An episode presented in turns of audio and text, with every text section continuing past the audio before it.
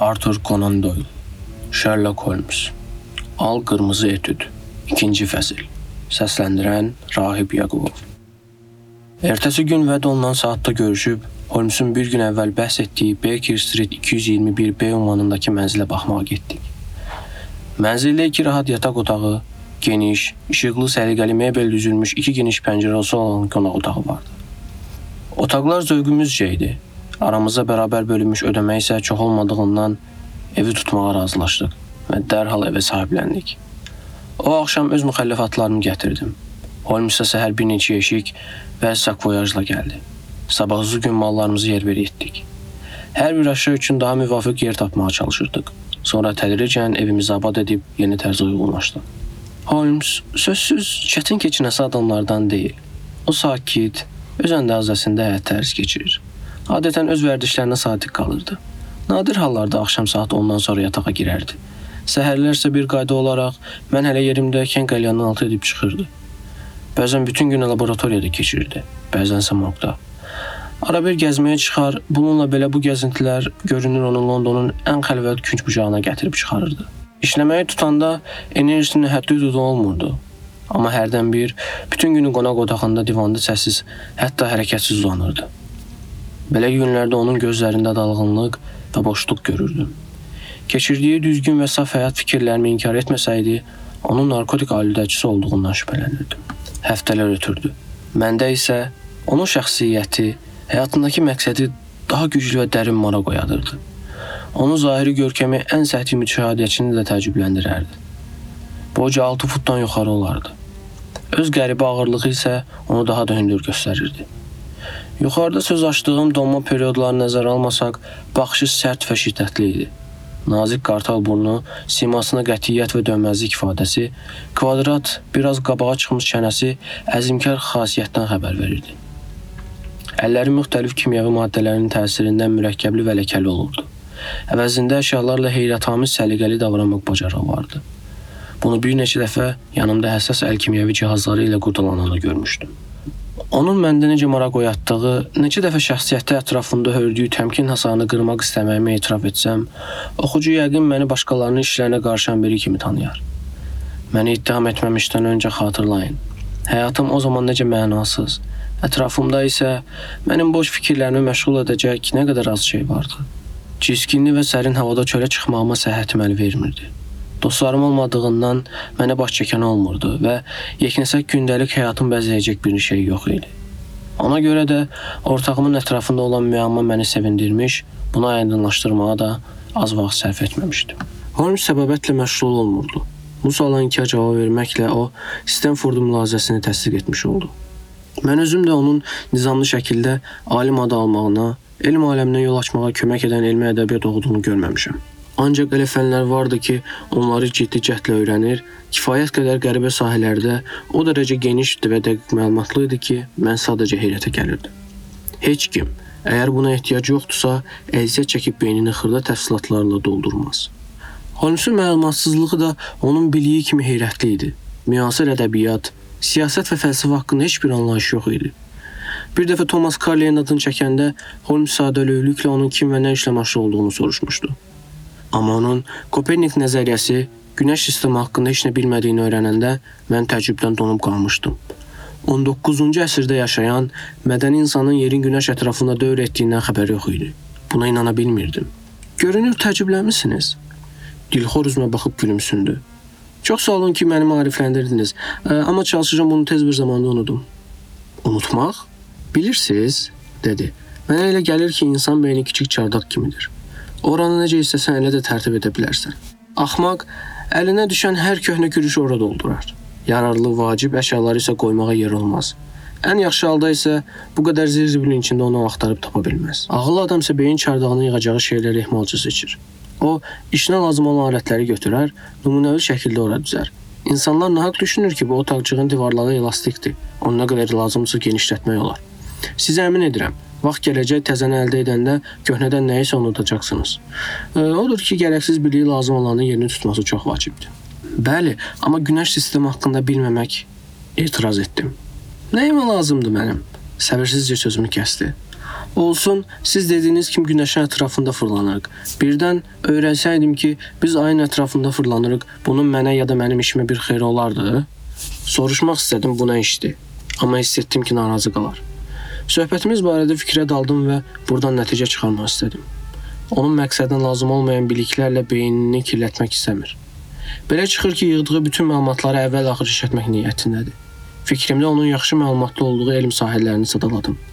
Hətta qələm götürüb kağıza da yazdım. Siyahını oxuyanda gülməyə saxlaya bilmədim. Atestat belə idi. Sherlock Holmes, onun bilikləri.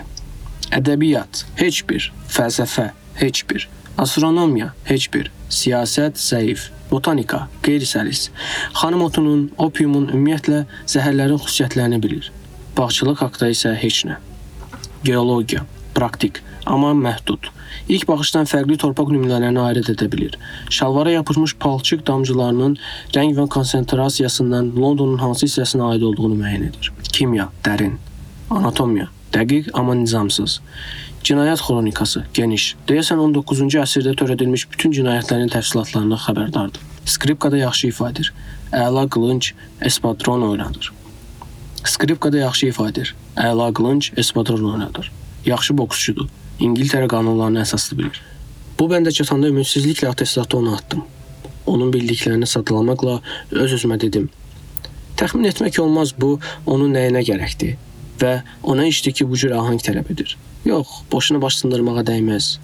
Artıq qeyd etmişdim ki, Holmes çox gözəl skripka çalırdı. Lakin hər məşğuliyyətində olduğu kimi burada da qəribəliklər vardı. Bilirdim ki, skripka üçün yazılmış yetərincə kəsin pyesləri ifa edə bilir. Mendelssohnun mahnılarını, başqa bəyəndiklərimi də ricamla bir neçə dəfə çalıb. Tək qalanda isə nadirən pyes və ya nəğməyə bənzər bir şey işlərdin. Axşamlar skripkanı dizinə dayayaraq kresloda sərilib gözlərini yumar və yayı simləri üzərində səliqəsiz gəzdirərdi. Hərdən ahəngdar qüssəli akkordlar eşidilirdi. Başqa vaxt coşqun sevinç bildirən səslər gəlirdi. Aydındır ki, bunlar onun əhvalına uyğun olurdu. Amma heç cür başa düşə bilmirdim. Səslərmi bu əhvalı yaradırdı, yoxsa özləri hansı əcəb fikirlərin ya da şıltaqlığın törəməsi idi? Əgər bu əsəb oynadan sololardan sonra mənim uzun müddətli səbrimin mükafat olaraq bir neçə sevdiyim musiqini dabadala ifa etməsəydi, mən qiyam qaldıra bilərdim. İlk həftə bizi heç kim boş çəkməmişdi deyə mən də ortağımın bu şəhərdə mənim tək tənha olduğunu fikirləşməyə başlardım. Amma tezliklə əmin oldum ki, onun cəmiyyətin müxtəlif təbəqələrindən olan tanışları var. Necəsə bir həftə ərzində 3-4 dəfə onun yanına cılız, sarımtıl, solmuş siçovul fizionomiyalı və iti qara gözləri olan adam gəldi. Mənə Mr. Lestrade kimi təqdim olunmuşdu. Bir səhər işıq cavan Holmesun yanına gəlib yarım saatdan çox onunla oturmuşdu. Elə həmin gün saçları çallaşmış, üz-başı tökülən cuhud əskiçiyə oxşayan biri də peyda oldu və o çox həyəcanlı idi. Bir dəfə də otaq yoldaşımın yanına ahıl, gür, ağ saçlı centilmen gəlmişdi. Sonra vervet kurtka forması ilə vağzalda yük daşıyan. Hər dəfə də belə qəribə qonaqlar gələndə Holmes məndən qonaq otağını tutmağını xahiş edərdi. Mən isə öz küncümə çəkilirdim. Bu otağı iş görüşmələrim üçün də istifadə etməli oluram. Yaratdığı narahatçılığa görə özü istəyərkən izah etmişdi. Bu adamlar müştəridirlər. Ona birbaşa sual vermək üçün bəhanə yaranmışdı. Amma yenə də nəzakətdən kiminsə sirrini zorla almaq istəmədim. O zaman mənə elə gəlirdi ki, onun öz peşəsini gizlətməsi üçün tutarlı əsaslar var. Sonra öz təşəbbüsü ilə bu haqqda danışanda sübut etdi ki, mən haqsız olmuşam. 14 mart. Bu tarix yaxşı yadımdadır. Həmişəkindən tez durdum və Holmesu səhər yeməyində gördüm. Sahibəmiz gec yuxudan durmağını öyrəşdiyindən mənim kimdə qab-qaşıq qoyub mənə qəhvə dəmləməyə çatmamışdı. Bəşəriyyətdən küsmüşcəsinə zəngi çaldım və həyasızlıqla öz səhər yeməyimi gözlədiyimi bildirdim. Otaq yoldaşım səssizcə tostunu çeynəyəndə vaxt keçsin deyə masanın üzərində hansısa jurnalı götürüb vərəqləməyə başladı. Məqalə başlıqlarından biri qələmlə işarələndiyindən təbii halda onu göz ucu oxudum. Məqalənin adı təşəxxüslü idi. Həyat kitabı. Müəllifi isə insanın gözünün qarşısında keçənləri intizamla əhatəli nəzər yetirdiyi halda nə qədər çox məlumat ala biləcəyini sübut etməyə çalışırdı. Nəzərimcə bu şuurlu və sərsəm fikirlərin qarışığı idi. Mühakimə məntiqli və inandırıcı olsa da, yekun məncə qərəzli, necə dəyərlər uydurma idi. Müəllif əsaslandırırdı ki, üzün ani ifadəsi hər hansı əzələnin qeyri-ixtiyari hərəkəti ilə həmsöhbətimizin ən gizli fikirlərini çılpaq gözlə öyrənə bilərik. Onun sözlərindən belə çıxırdı ki, müşahidə və analiz edə bilən insanı aldatmaq mümkün deyil. Onun çıxarışı Evklid teoremi kimi səhvsizdir. Nəticə elə heyrətamiz olacaq ki, vaqif olmayan insanlar bu hökmün necə hasil olduğunu anlamayınca ona sehrbaz kimi baxırlar. Suyun bir damlasıyla müəllif yazırdı. Məntiqi fikir yürüdə bilən insan Atlantik okeanı və ya Niagara şəlaləsinin varlığı haqqında onları görüb eşitməsə də nəticəyə gələ bilər. Hər bir həyat səbəb və nəticə zənciridir. Onun təbiətini də bir halqasından öyrənmək olar. Analiz edib qərar vermək sənətinə digər sənətlər kimi uzun və səyli əməklə yiyələnmək olar. Həyat çox qısadır. O yüzden heç bir fani bu sahədə tam kamiliyə çata bilməz. İşin daha da çətin, mənəvi və intellektual tərəfinə nəzər salmaqdansa, tədqiqatçı qoy daha sadə məsələlərdən başlasın. Qarşısına çıxan ilk adama baxıb onun keçmişini və peşəsini təxmin etməyə çalışsın. Başlanğıcda bu uşaqlıq kimi görünə bilər, amma bu cür məşğələlər müşahidə qabiliyyətini gücləndirir. Necə və nəyə baxmağı öyrədir. İnsanın dırnaqlarından, qolundan, ayaqqabısı və şalvarından dizindəki büküşdən, baş və şəhadət barmağının yoğunluğundan, üz ifadəsindən, köynəyin köpəsindən belə xırdalıqlarla onun peşəsini seçmək çətin deyil. Bu nə axmaqlıqdır? Jurnalı masanın üzərinə tullayıb qışqırdım. Həyatım boyu bu qədər cəfangiyət oxumamışdım. Siz nə edirsiniz? Holmes xəbər aldı. Bu məqalə. Çay qaşığı ilə o jurnala vurub səhər yeməyini girişdim. Hərgah qələmlə işarələdiyindən görürəm siz onu oxumusunuz. Mübahisə etmirəm. Cəsarətlə yazılıb, amma bununla belə məni əsəbləşdirir. Yaxşı da, bu avara Saqit kabinetindən yumşaq kreslosunda sərilib bu cür incə paradokslar uydurur. Metronun 3-cü sinif vaqonuna soxub onun oradakı sərnişinlərin peşələrini tapmağa məcbur edəsən. Minin biri nisbətindən mərcə gələrəm ki, onda heç nə alınmaz. Amma uduzursuz, Holmes sakit əlavə etdi. Məqaləni mən yazmışam. Siz? Bəli, mənim müşahidə və analizə meylim var. Burada anlattığım və sizə inanılmaz görünən nəzəriyyə əslində çox həyatidir. O dərəcə həyatidir ki, mən bununla çörək pulumu çıxarıram. Nə cür? Bilirsiniz, mənim çox nadir peşəm var. Öz sahəmdə bəlkə də yeganəyəm. Əgər özlüyünüzdə təsəvvür edə bilirsinizsə, mən məsləhətçi xəfiyyəyəm. Londonda çox xəfiyyə var. Dövlətin də, özəl də. Bu qaçaqlar çıxılmaz vəziyyətə düşəndə mənə müraciət edirlər. Mən də onlara doğru istiqamət verirəm. Məni işin məğzi ilə tanış edirlər. Mən də kriminalistika tarixini yaxşı bildiyimdən onlara səhvlərini göstərirəm.